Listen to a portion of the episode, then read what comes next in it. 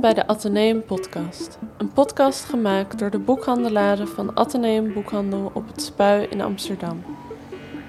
Vanaf nu presenteren wij elke maand een nieuwe aflevering waarin wij in gesprek gaan met schrijvers, dichters, essayisten en met elkaar. Deze aflevering bestaat uit drie onderdelen. In het eerste deel ga ik, Romy D. Winkel, samen met collega-boekverkoper Helen Westerik in gesprek met Nelleke Noordervliet over haar nieuwe roman getiteld Wij kunnen dit. Daarna vertellen boekverkopers Marieke van Ekeren en Lin van der Zaag over hun ervaringen in de winkel.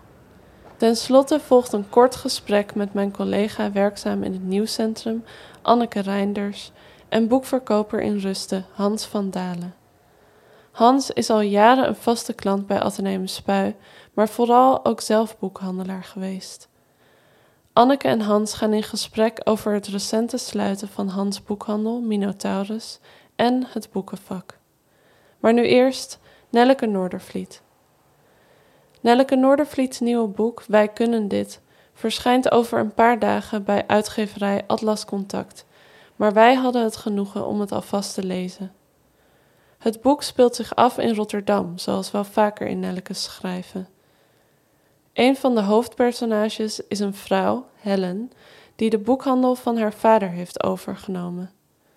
Als boekhandelaar loopt zij tegen allerlei zaken aan: vervelende klanten met slechte smaak, irritante stagiaires, teruglopende verkoopcijfers, een coronapandemie, maar ook een nieuwe geliefde, Leo. Gaandeweg het boek verwikkelen deze twee personages steeds meer met elkaar, terwijl ze ondertussen beide hun relatie met hun ouders proberen uit te pluizen.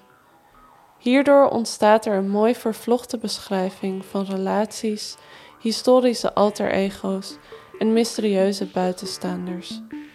Luister nu naar ons interview met Nelleke Noordervliet.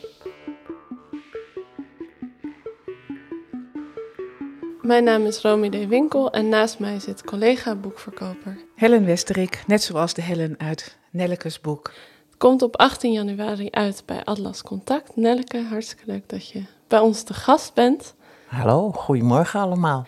Het is een verhaal waarin een van de hoofdpersonages een boekverkoper is. En nou, zoals Helen al zei, heet ze ook nog eens Helen. Dus voor ons was dat al een erg leuk ingangspunt. En ik ben eigenlijk benieuwd hoe ben je bij het idee gekomen om uh, vanuit het perspectief van een boekverkoper te schrijven?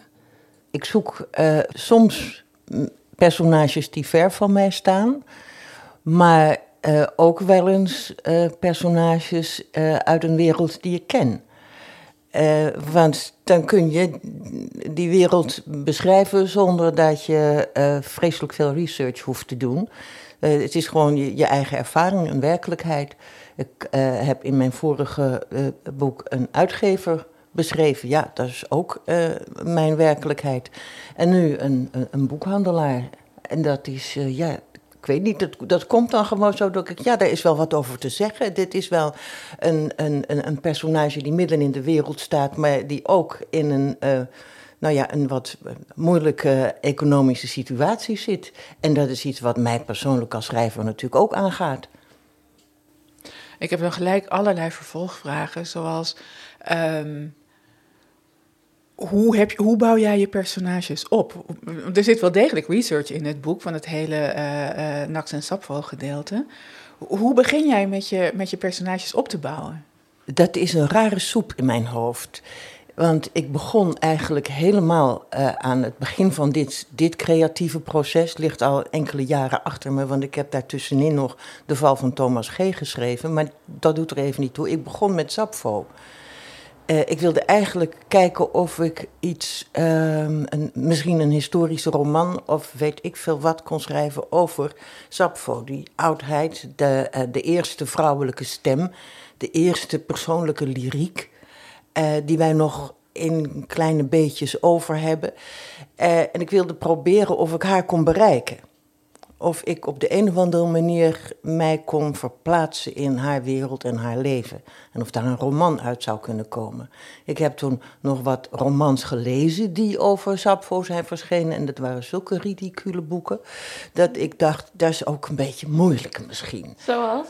Of van Erica Young en van ene Peter Green, geloof ik. Het allemaal, zijn, allemaal schrijvers die, die uh, uh, een goede naam hebben. Maar ik dacht, dit klopt helemaal niet. Nou weet ik dat je met een historisch roman altijd je eigen tijd meeneemt enzovoort. Dat dat een, op zichzelf al een problematiek is van je welste. Maar ik dacht, nee, ga ik niet doen. Dus uh, ik heb die research van Sappho heb ik gestopt in een personage. Ik dacht, als ik, dan kan ik, kan ik er toch kwijt. En ik wil over liefde schrijven. Uh, dus Sappho als zinnenbeeld van liefde, ik stop dat in een personage. En toen kwam uh, Helen uh, op mijn pad.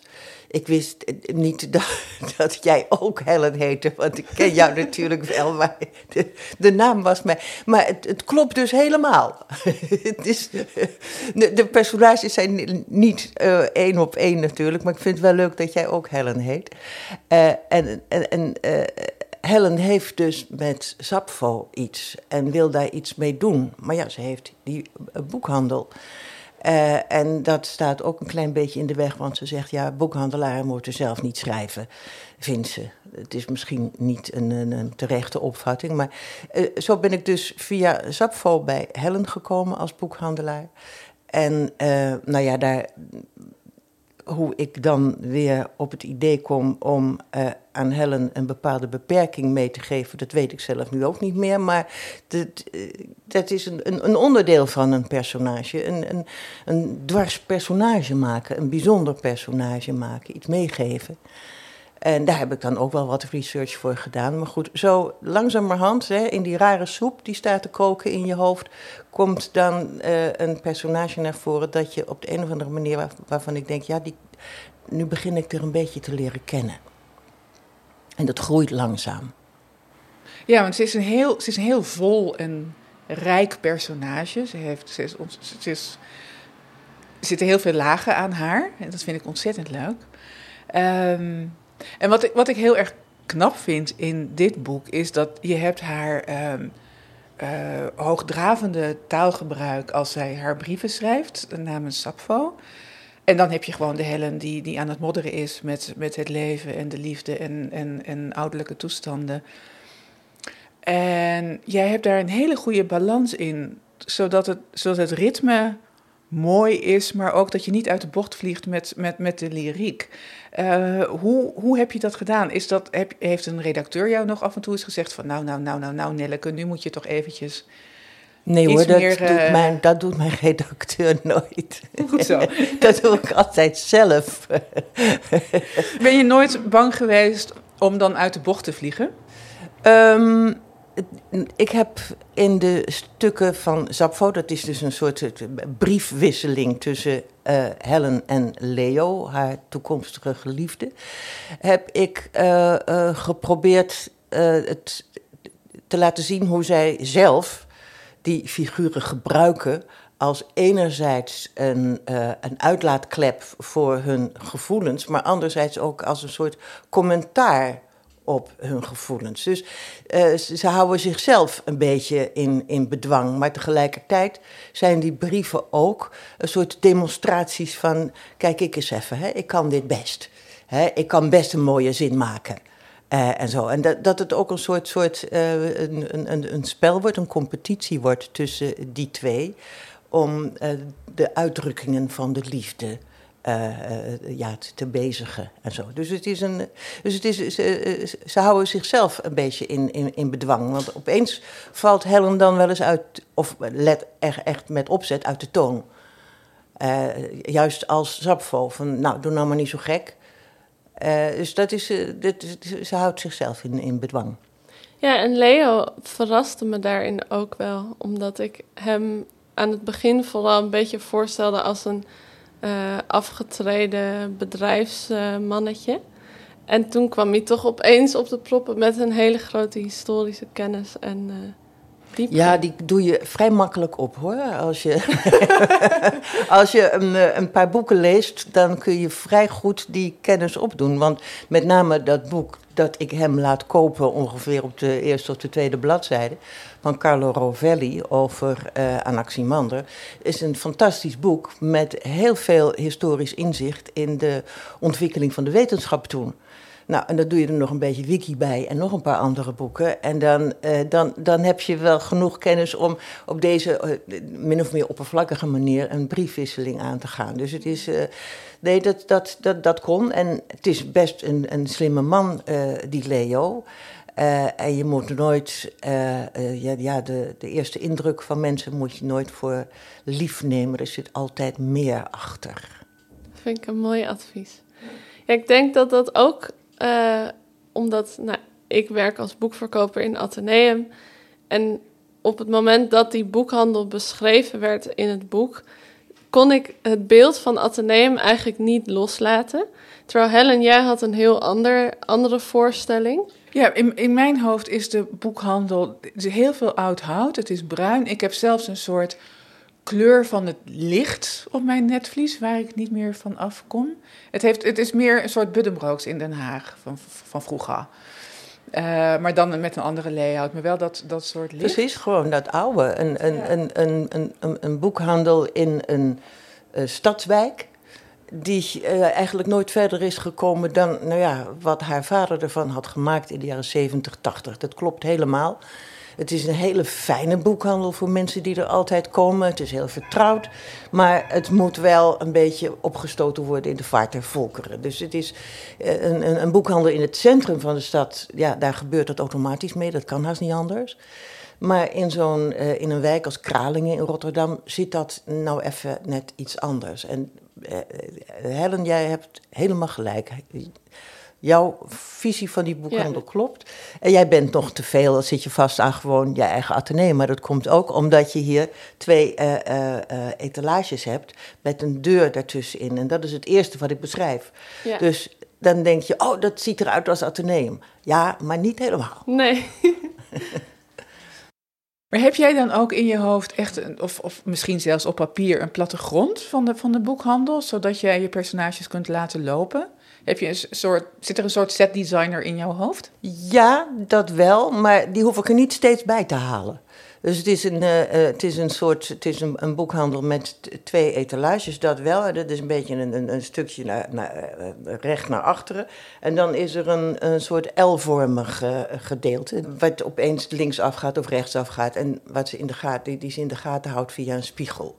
Nou, weet je, zoiets, zo'n probleem wat je eigenlijk bij een verbouwing meteen oplost maar wat daar nog steeds uh, ja, aanwezig is sinds de jaren zeventig. Dus die zit wel in mijn hoofd. En heb je dat ook met je personages? Dat, dat, dat ze blond of donker haar hebben, dat ze een bepaalde kledingstijl hebben, dat ze wel of niet gimpjes dragen. Dat ze, als jij je personages ontwikkelt, krijgen ze dan ook echt een, een uiterlijk? Ja, ja, ze krijgen altijd een uiterlijk. Uh, ik probeer niet uh, ik probeer meestal dat niet meteen uitgebreid te beschrijven, maar gaandeweg steeds uh, iets uh, te laten zien. Een, of een klein gedeelte ervan te beschrijven. Zoals Leo beschrijf ik in het begin eigenlijk alleen maar van de achterkant. Dus ze ziet hem staan. Dus ze ziet zijn achterhoofd. En als hij een boek komt kopen, dan herkent ze hem niet. Maar als, als ze zijn achterhoofd ziet, dan opeens weer wel. en daar krijg je een, met, met hele kleine gegevens. Wil ik dat een lezer zelf dat portret compleet maakt. Ik wil uh, niet uh, uh, alles in zoveel details geven dat er voor de verbeelding van de lezer helemaal niks meer over is. Want het lijkt me juist zo leuk als lezer om zelf de ontbrekende stukken in te vullen. Dus zelf een, een, een beeld te maken van de personages. Dat vond ik ook mooi in de ontwikkeling van de relatie die ontstaat tussen Helen en Leo. Omdat uh, op een gegeven moment hebben ze geloof ik voor het eerst gezoend of zelfs samen geslapen.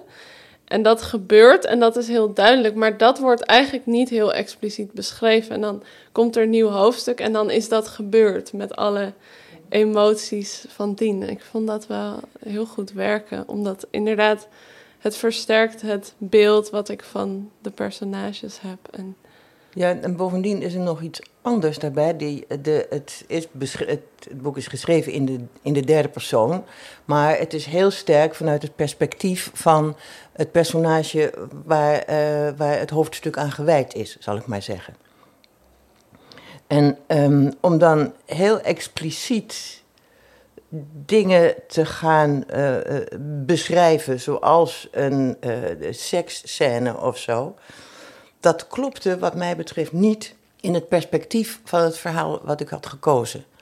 Eh, dat, moest, dat zijn dingen die gebeuren, jazeker, en er wordt misschien wel wat over verteld.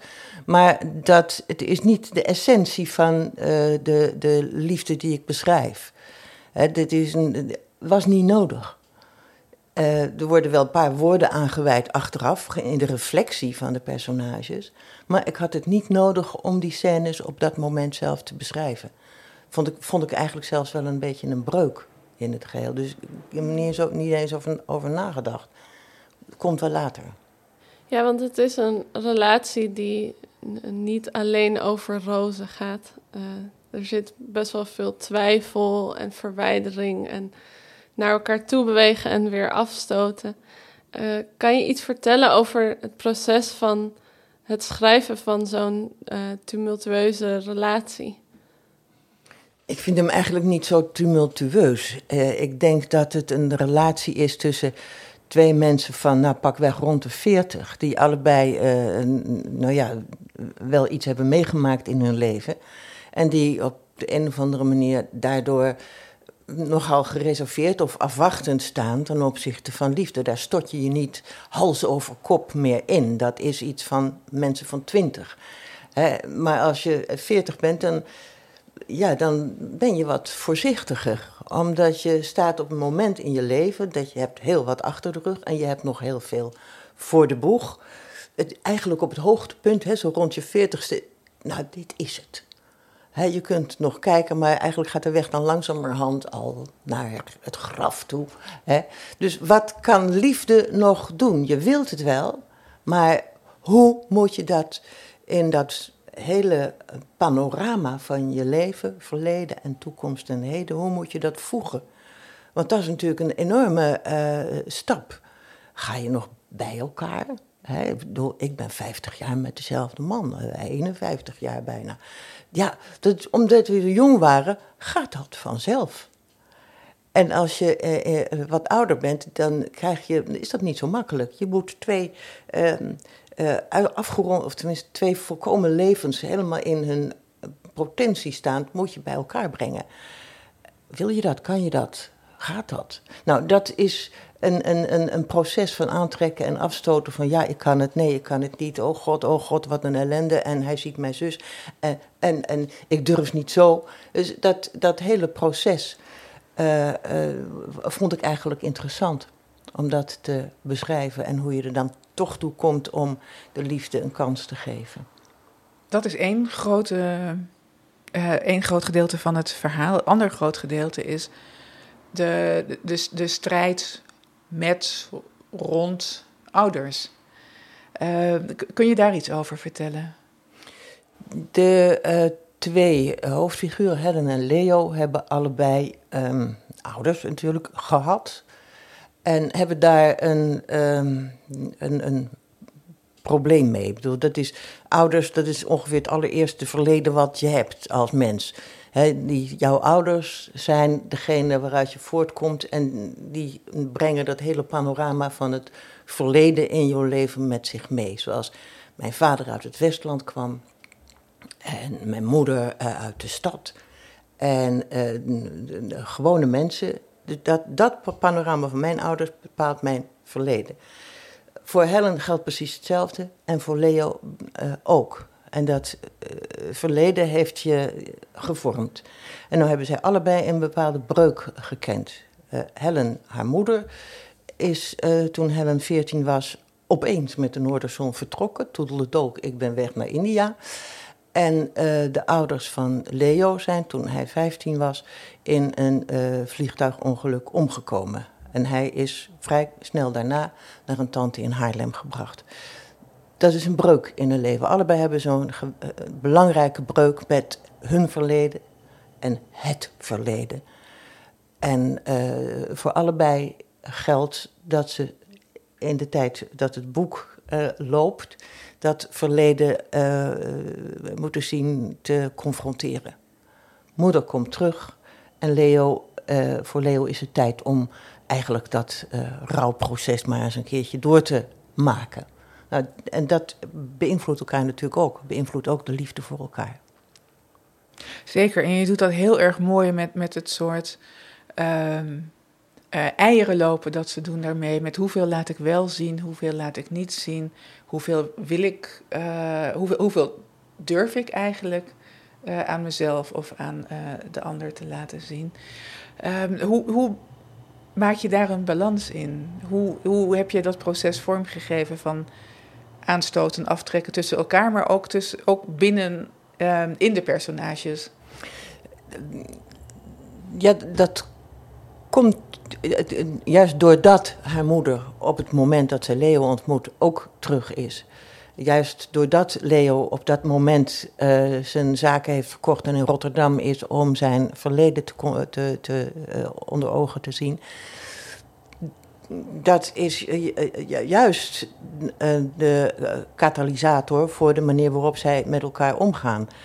als, Leo, als ze Leo had ontmoet in zijn volle glorie als IT-bedrijfleider, als rijke gast die overal in de wereld komt, dan zouden ze elkaar niet eens hebben zien staan, bij wijze van spreken. Hè?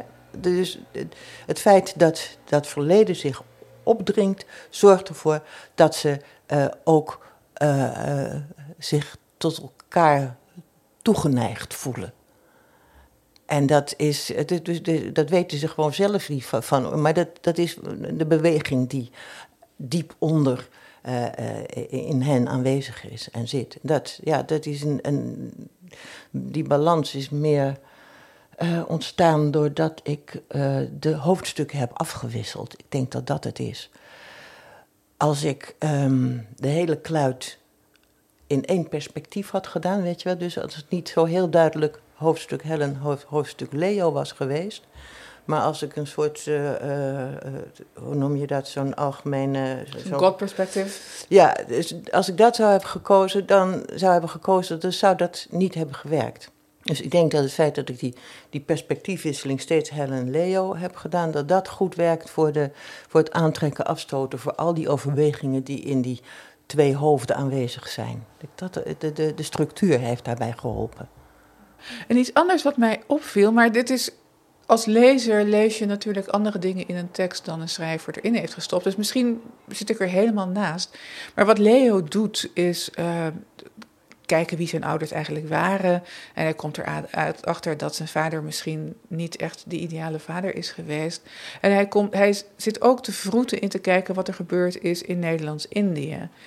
En dat komt op een moment dat, dat wij als land ook heel erg aan het uh, vroeten zijn in ons eigen verleden. En aan het kijken zijn wat onze vuile was daar is. En proberen in het reinen te komen met met ons koloniale verleden. Mm. Is dat een bewuste keuze of lees ik hier nou iets in um, nee, wat jij er helemaal niet in hebt gestopt? Nee, natuurlijk is dat wel een, een, een bewuste keus. Natuurlijk, het is, een, het is vergelijkbaar.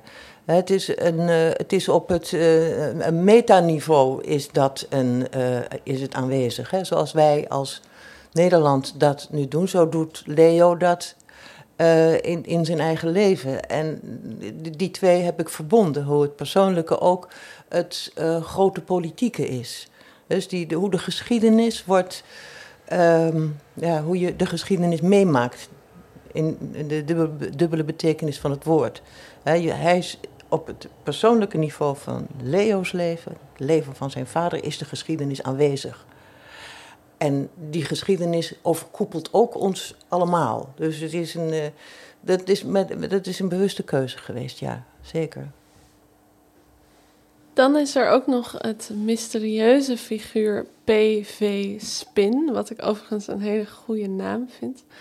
Uh, hij En later wordt ook onduidelijk wat de sekse van PV Spin precies is. Ehm, maar voor nu, hij duikt hier en daar op en verdwijnt weer. En op het moment dat je als lezer denkt dat hij voorgoed verdwenen is, komt hij toch opeens weer terug. Wie, wie is deze figuur nou toch? Als je, uh, er zitten af en toe citaten in en dan is dat al een kleine indicatie door in wat eh, PV Spin zegt. Maar als je uh, kijkt wat spin in het Latijn is, dan kom je erachter dat dat Maro is. En je hebt PV, Publius Vergilius Maro. Dus PV Spin is Vergilius die Dante meeneemt naar de onderwereld. En daarom duikt PV Spin ook altijd op als het gaat over het uh, verleden van, uh, van Leo. En je hoort hem ook uh, Dante citeren als hij de, hem de laatste keer op weg helpt als een auto het niet meer doet. Dat zegt hij, ik laat je gaan. Hè? Dus dit, het hele stukje van Dante wat daarover gaat. En dat is dus de, de geleider naar de onderwereld. En die komt altijd met zijn eigenaardige observaties en waarnemingen naar boven. dat vond ik gewoon een, een, een, een leuk spel, een leuke figuur. En het hoeft niet uitgelegd te worden. Ik leg het jullie nu uit dat dat Virgilius is. Maar um, dat is voor degene die denkt van... hé, hey, wat doet die Dante hier opeens in de tekst? En dat is, het is een beetje de, ja, mijn eigen grap om Vergilius erin te stoppen. In een absurdistische figuur die opeens dan de balkondeuren open doet en verdwijnt. Maar dan weet iedereen dus wat voor soort figuur het is. Ja.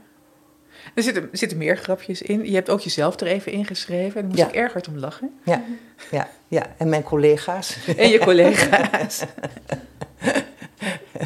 ja.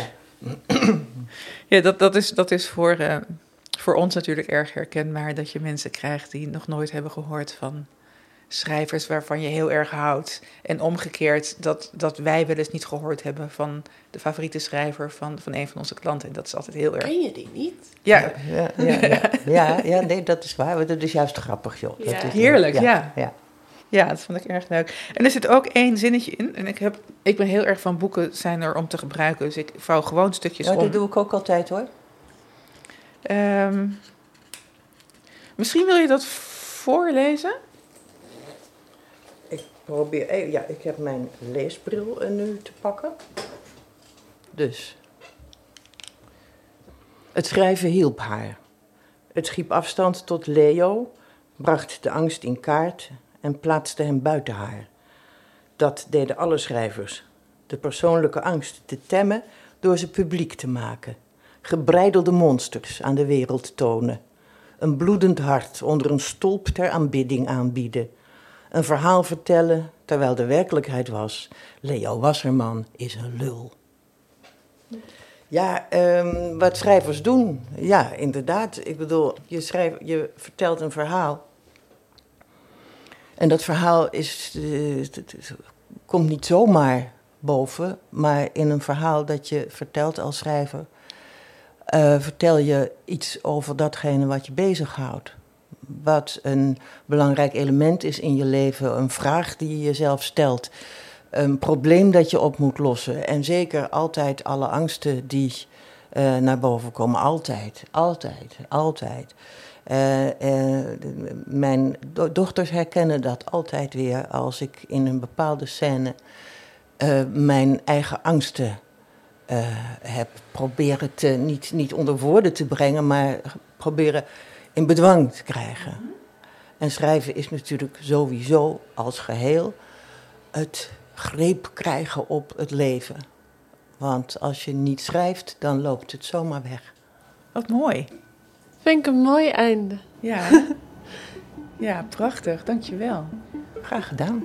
Zoals ik al zei, het boek ligt vanaf 18 januari in de boekhandels. Uh, heel erg bedankt, Nelleke.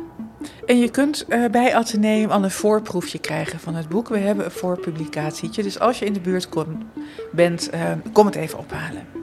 Dankjewel, Nelleke.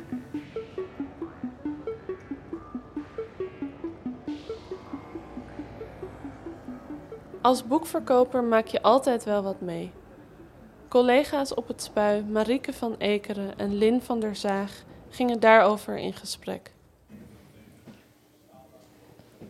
Proost. Proost. Dat was mijn dagje weer. Ja? Ja, als boekverkoper sta je natuurlijk uh, bloot aan de telefoon. je moet best wel vaak de telefoon opnemen. En nu willen mensen best wel vaak bellen terwijl ze bijvoorbeeld op een drukke straat staan. Of uh, ik heb een keer meegemaakt dat iemand heel hard de klassieke muziek aan had staan. Of de verbinding is gewoon heel slecht. En um, dan moet je als boekverkoper maar net deze mensen weten te verstaan. En uh, daar komt ook altijd wel wat algemene kennis bij kijken. ik heb één keer gehad dat mijn algemene kennis me heel erg in de steek heeft gelaten. Um, toen belde een vrouw op en zij vroeg naar uh, dat boek van Joan Didion, Slouching Towards oh, uh, Bethlehem. maar ik verstond haar gewoon niet. Ik verstond haar de hele tijd niet. En ik was aan het googelen. ik probeerde een soort van lettergrepen in Google in te typen. want ik verstond de hele tijd slut-shaming towards Bethlehem. dus ik, ik zoek zoeken. Um, uiteindelijk, uh, uiteindelijk heb ik het wel ontdekt wat ze zei. En het, nou, ik heb daar nog een uur van zitten lachen in de winkel. En die klant vond het gelukkig ook heel grappig. Oh ja, dit is fijn. Heb jij wel eens zoiets meegemaakt dat je... Aan de telefoon? Ja, of gewoon in de winkel dat je achtergrondgeluid had en dat je iemand een mondkapje op had en dat je... Oh, ja, uh, ja, ik ben er echt achter gekomen dat ik, dat ik mezelf bijna als slechthorend kan bestempelen. Um, ja, of je uh, bent gewoon een liplezer. nou, dat met die mondkapjes is vrij ingewikkeld. Vorig jaar was er een nieuw boek uitgekomen van uh, Gilles van der Loo. Het heet Het Dorp. Het is wel, ook wel genomineerd voor, voor een prijs. Ik weet even niet welke prijs. En um, die poster van het boek, die hing in onze winkel. En um, de auteursfoto, die stonden ze ook op die, ook op die poster samen met het boek. En die man, nou ja, dat uh, laten we eerlijk zijn, dat is gewoon best een lekker ding. En toen kwam er dus uh, op een gegeven moment een wat oudere dame aan de toog. En die vroeg van, uh, is de toog? Ik weet niet of dat een gepast woord is voor kassa. Maar um, die, um, die vroeg dus van... oh, ik had gezien dat jullie vorige week die poster van Gilles van der Loo hadden hangen. Nou, ik vroeg me af, zou ik die misschien mogen hebben? Dus ik vroeg aan die vrouw van... Uh, van, oh, bent u zijn moeder? En toen zei ze van, uh, nee. oh ja, die post. Nou ja, toen ging ik daarop in van dat het zo'n lekker ding was. En nou, die vrouw was echt volledig in verlegenheid gebracht. Maar ik zit nog steeds te denken, wat moet je met een poster? wat moet je met een poster van een auteur die je dan niet kent? Ach, nou ja, het is ook wel leuk. Misschien, misschien voor een kantoor of zo. Of Gezien wij, net zoals Nelleke Noordervliet, boekverkopers centraal stellen in deze aflevering, leek het ons leuk om boekverkoper in rusten Hans van Dalen te spreken over zijn ervaringen. Hans runde tot voor kort boekhandel Minotaurus, een kleine boekhandel in Hartje Amsterdam, gespecialiseerd in bibliofilie, boekgeschiedenis, boekverzorging en typografie. Vlak voor de coronapandemie heeft Minotaurus zijn deuren gesloten, maar Hans blijft natuurlijk diep geworteld in de literaire uithoeken van de stad. Collega Anneke Reinders, werkzaam in het Atheneum Nieuwscentrum op het Spui, gaat met hem in gesprek. Hier zitten we dan hoog en droog uh, boven het spui. Inderdaad droog. Een prachtig uh, winterzonnetje. Um, ingebed in de podcast is dit uh, kleine momentje. Uh, de hoofdpersoon in het boek van Nelke Noordervliet is een boekverkoper, boekhandelaar, stur. en uh, wij dachten dat het aardig was om een leuke boekhandelaar die we kenden van de straat af te plukken en de studio in te slepen. Dus voor, bij mij zit Hans van Dalen. Um, boekhandelaar, boekenfreak, ex-antiquaire of misschien wel antiquaire-verzamelaar en kenner van boeken en klant van Atheneum. Um, hi Hans. Hoi Anneke. um, ja, ben je boekhandelaar of handelaar in boeken in je eigen opinie? Nou, op dit moment dus niet. Uh, boekhandelaar in Rusten. En uh, ik was van een uh, meta-boekhandeltje, Minotaurus. en alles wat met boeken te maken had, dat kon je daar vinden. geschiedenis, het maken van boeken. Maar ook het bibliophile boek, nog met de hand gedrukt, loodzetsel. Maar ja, dat, vlak voor de coronacrisis uitbrak, uh, moesten we het winkeltje na 31 jaar uh, uh, stilletjes laten inslapen. Ja. en, nou ja, dat was ook super jammer. Ja, dat is heel jammer. Maar achteraf dachten we van, nou, dat hebben we precies op tijd gedaan. Want we hadden zeker niet die periode overleefd. Het is natuurlijk een heel kleine niche van boeken die we daar verkochten. Maar nee, ik ben nu gewoon, ik ben al mijn hele leven, zoals ik, zolang als ik me bewust ben, uh, liefhebber van boekhandels. Ja, want daar wilde ik even naar terug. Ja. Dacht, dacht kleine Hansje, yes, als ik later groot ben wil ik boekhandelaar worden? Um, een beetje, dat heb ik me echt heel erg door gesteund gevoeld. De oprichter van deze winkel, Johan Polak, die werd een keer geïnterviewd voor, uh, uh, weet ik veel, de VPRO of zo. Nee, het was bij Adriaan van Dis, denk ik. Dat hij gewoon tot op hoge leeftijd nooit wist wat hij wilde. En dat wist ik ook maar niet. Maar ik genoot wel heel erg van boeken. En aan de hand van mijn vader ging ik paradijzen binnen. Uh, de Ark in Weesp voor het eerst, bewust. Alle te lange daarna in Amsterdam op het Damrak. Lambiek, maar gek genoeg heel lang niet Atheneum boekhandel. Alle te lange was wel mijn boekhandel, daar heb ik ook gewerkt. En dat, nou, ik ervoer dat toen echt als een enorme eer om daar te mogen werken. Wauw, ja. ja. Exil-literatuur, jaren 30.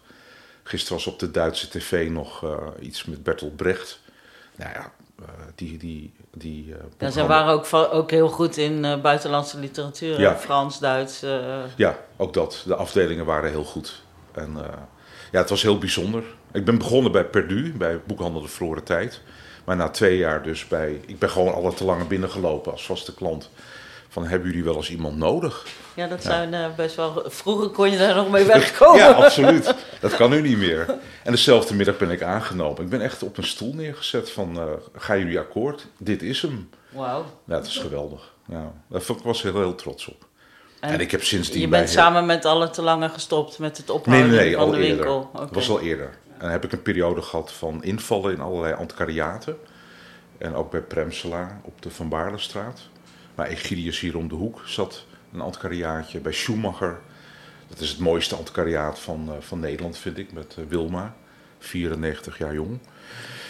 Uh, maar ja, altijd enorm verknocht aan boekhandels. Zijn antiquaren ook ondernemers of zijn boekhandelaars überhaupt ondernemers? zoals nou, wij vind ik wel. Het, ik, de, het boek van Nelke Noordervliet ja, het, de titel alleen al geeft aan, we, we gaan dit doen, we, gaan, we, pakken dit aan. Absoluut. Ik weet niet of de titel op de boekhandelaar slaat of op iets anders. Dat of op zal, de klant. Of, uh, zal ons uh, ja, onthuld worden.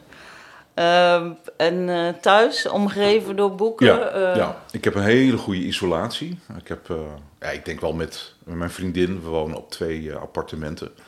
Ik vermoed dat we op de 20.000 boeken komen. Wow. Het is echt... Je maar, weet dat dat niet meer helemaal anno uh, nu is, hè? Dat weet ik, ja. Ah man, ik, dat zijn de nachtmerries van mij. Dat, ik zie wel eens met het zeppen op de tv... komen er van die uh, programma's voorbij met herinrichting van appartementen. En dan zit ik echt... Waar hebben ze die boeken verstopt? Ja. Niets meer. Nee. Het is leeg. Ja. Maar ook geen kunst aan de muren. Gewoon leeg. En uh, ik heb Je dat ziet nooit... daar wel een relatie.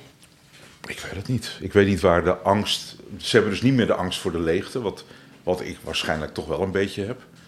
Alhoewel, klooster vind ik toch wel heel indrukwekkend hoor. Maar ja, toch, ik wil mooiigheid om me heen. En je omringen met boeken is uh, Ja, je omringen kunst, met boeken schoonheid. en Uh, geluid. uh, Muziek die ik fijn vind. Heerlijk. En eh, waar ligt de grens tussen Ja. verzamelen en verslaafd zijn en eh, bewaren en hoorden? Ik heb wel eens meegedaan aan zo'n oproep van de Vrij Nederland. Nou, ik denk wel 30 jaar geleden. Verschrijven ze een stukje uit je privé-situatie over verslaving. Nou, ik kwam dus aanzetten met die boekenverslaving. nou, dat stukje werd genoemd in de introductie, maar hij kwam er niet in. Oh. Want het vonden ze echt onzin. Verslaafd aan boeken? Nee, dat is geen verslaving. En ik wil ook niet genezen worden. Ik hoef niet naar een AAA-club. Nee, maar er is wel een, eh, nog een randje van, zeg maar, waar het kantelt dat je... eh, als Nee, je dat bij iemand hoording, dat gaat heb ik- zitten, de boeken van de stoelen af moet Nee, schuiven. dat is bij mij niet. Nee. Ik heb wel mensen meegemaakt Die een gangetje hadden naar een stoel waar ze in lazen. De keuken, de wc en het bed. En voor de rest Ja. brachten ze hun onderburen in gevaar. En moesten ook de helft van het boekenbezit weg. Nou, ik wil je ook niet eh, hospitaliseren hoor, bij deze als eh Het is, het verzamelaar. is veel, het is heel veel. Ja, maar ik, ik, heb je dat dan allemaal gelezen? Dat nee, is een dat vraag. heb ik niet. Nee. ik koop veel boeken. Ik verzamel ook echt. eh, en ik, ik kan heel lang wachten met het lezen van, eh, van een schrijver. En dan krijg ik het voor elkaar om in korte tijd alles te lezen van Ja. iemand. Dat is ook lekker, hè? Van het, ene, van het ene boek naar het andere als je er helemaal in zit. Nou ja, je hebt ons ook heel vaak eh, verblijd met eh, spullen voor prachtige etalages. Ja, ja, ja, vind ik Want je hebt daar binnen ook wel een soort drang naar volledigheid. Ja, dat heb ik heel sterk. Ja. En hoe Daar heb ik wel gesprekken over gevoerd met Max en Wilbert Schumacher bijvoorbeeld. En die moedigde dat alleen maar aan, dat, die compleetheidsdrift. Ja. Tot de gekste dingetjes aan toe. Want dat is natuurlijk, geldt eigenlijk voor verzamelaars eh, überhaupt. Hè? Of het Ja. nou over boeken gaat of over kroonkurken. Maar Je wil een oeuvre hebben. Ja. Ja. Ja. een boek is interessanter wat mij betreft. Maar Ja. ja. het is een raar voorwerp. En, eh, En hoe gaat dat eh, in het werk tegenwoordig? Want er zijn steeds minder antiquariaten. Is dat voornamelijk een online eh kwestie? Of... Ja, dat is nu een, ik denk dat het wel 50-50 is. Ik geloof dat Marcel Dikstra van Phoenix Antiquariaat stond vorige week in het Parool. Nou, die zei, ja, de handel gaat gewoon goed door met internet. Ik kan pakjes maken, maar ook takeaway. Maar het wordt steeds lastiger. En dit helpt niet. Nee, dat helpt jullie niet. Het helpt een antiquariaat niet. En eh, gaat de lol er een beetje vanaf van het verzamelen als je zeg maar niet meer Nee, nee, kan nee. lopen en snuffelen? Of voelt Oh, nee. snuffelen op het internet ook als echt snuffelen? Ehm, dat voelt wel. Ik kan echt heel verrast zijn soms over wat er aangeboden wordt.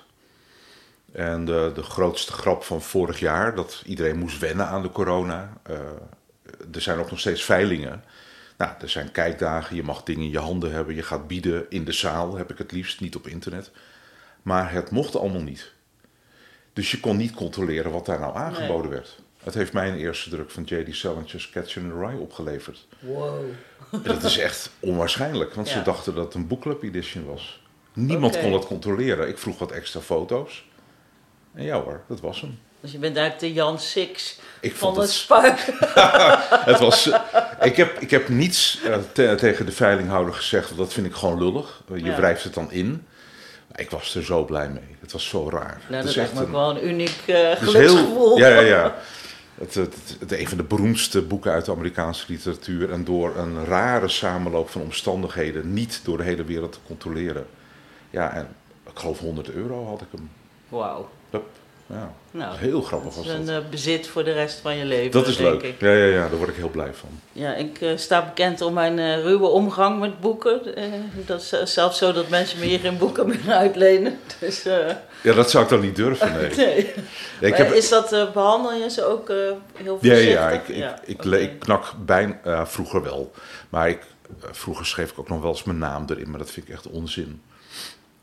Heel af en toe om verwarring te voorkomen. Ik bedoel, ik, ik laat iets signeren, maar ik heb het boek al. Dat is natuurlijk een beetje lullig voor de boekhandelaar. Maar dan plak ik er heel even een ex libris in met een, een lijntje, een lijm. Ja, ik, degene die ik het boek uitleen, en ik leen alles uit, eh, vraag ik dan van, zou je het alsjeblieft zo mooi als ik het je nu geef, of mooier terug willen geven? Ja, ja. Ja, lezen zonder knakken is voor mij een eh, onmogelijkheid. Dus eh, ik ga niet van jou lenen. Nee, ik heb de, de bibliotheek van een vriend van me een paar maanden geleden eh, verhuisd. Nou, dat, is, dat noem ik een werkbibliotheek. Aantekeningen, ezelsoren, noem maar op. Hij werkt ermee. Aantekeningen vind ik altijd weer lastig. Achterin Dat zie je natuurlijk heel veel bij, bij, bij bibliotheekboeken ook. Dan heb ik altijd, nee, weet Dat je wel, dat niet. is iets heel opdringerigs. Maar ik vind boeken wel echt gebruiksvoorwerpen. En dan eh, ja, behandel ik ze dus ook eh Ja, ik brand met ze echt met alle egaar. disrespect. Yo, ik heb hele funse boeken, maar dat zijn auteursexemplaren. Ja. Ik heb het boek eh, Poëzie in Carré uit 1966. Ik heb het exemplaar van Simon Vinkenoog. Ja, dat heeft de hele tijd op de wc gehangen Ja, precies. mij. Dat moet dan toch eigenlijk Dat- ook wel geweldig. een beetje funzig zijn. Ja, ja, allemaal aantekeningen voor de tweede druk die er nooit kwam. Ja, het is echt het. eh, in plaats van dat poesieplaatje voorop zit er een edelwijs bloemetje opgeplakt. Vind ik een hele leuke toevoeging. Ja, precies. Nee, daardoor gaat het natuurlijk ook wel weer meer eh, leven. Ja, ja. En eh, speelt je leven zich alleen in eh antiquariaten en zo af? Wat, wat, wat haal je bij Atheneum in de, zeg maar, aan Ja, voor mij, ik, ik moet gezien mijn beperkte inkomen, moet ik echt kiezen tussen. Nou, ik, ik, ik koop het liefst al mijn boeken bij Atheneum. Mijn strips koop ik niet bij jullie, behalve dan de Eppo. Nee, ik koop ze echt allemaal bij Lambiek. En Terecht. ABC is de andere grote leverancier. Dus bij mij gaat het echt wel om drie boekhandels. Maar ik ken eigenlijk alle boekhandels. Eh, de Tribune in Maastricht, het Drukhuis in Middelburg. Ze hebben ook een eigen uitgave soms. Eh, die weet ik dan wel als, als het interessant is te, te kopen. Te scoren heet het dan, hè? nee, ja, heerlijk.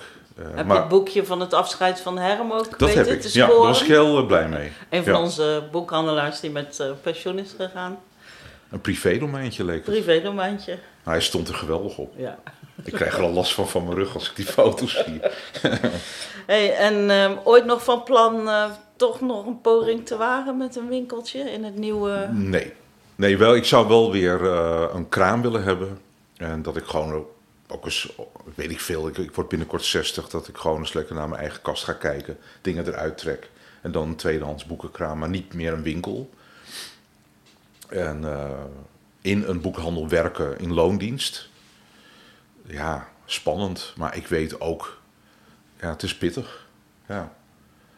Ik heb wel dingen meegemaakt waarvan ik dacht, word ik hier nou vrolijk van? Weet je wel, eh, een, een briefje van 100 toegeworpen krijgen, waar dan mee betaald werd. En dan vroeg ik of het wisselgeld op dezelfde manier geretourne- geretourneerd mocht worden. Ja. Ja, dat soort dingen zit ik dan niet om te springen. Terwijl het facet van, ik weet aardig wat over boeken, mensen zoeken wat. Ik vond het heerlijk. Zeker het, het pre-internet tijdperk. Ja. Ik had een kop vol. Nou ja, je kan hier ook heerlijk eh, uitleven wat dat betreft Ja. eh, qua kennis. Dat is natuurlijk toch het fijne van eh, hier werken.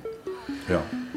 Ja, nou dat was het eigenlijk alweer. Zo snel gaat zo'n eh klein Dit is gesprekje. Ja. Ja, hartstikke bedankt. Een beetje, een Jij beetje van je boekhandelaarsleven. Klein tipje van de sluier. Ja. Alsjeblieft. wel, misschien gaan we in een andere vorm eh, nog gewoon een keer verder Ja. praten. Ja, Dankjewel. alsjeblieft.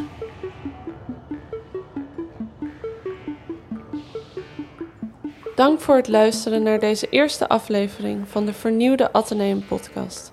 Tot volgende maand.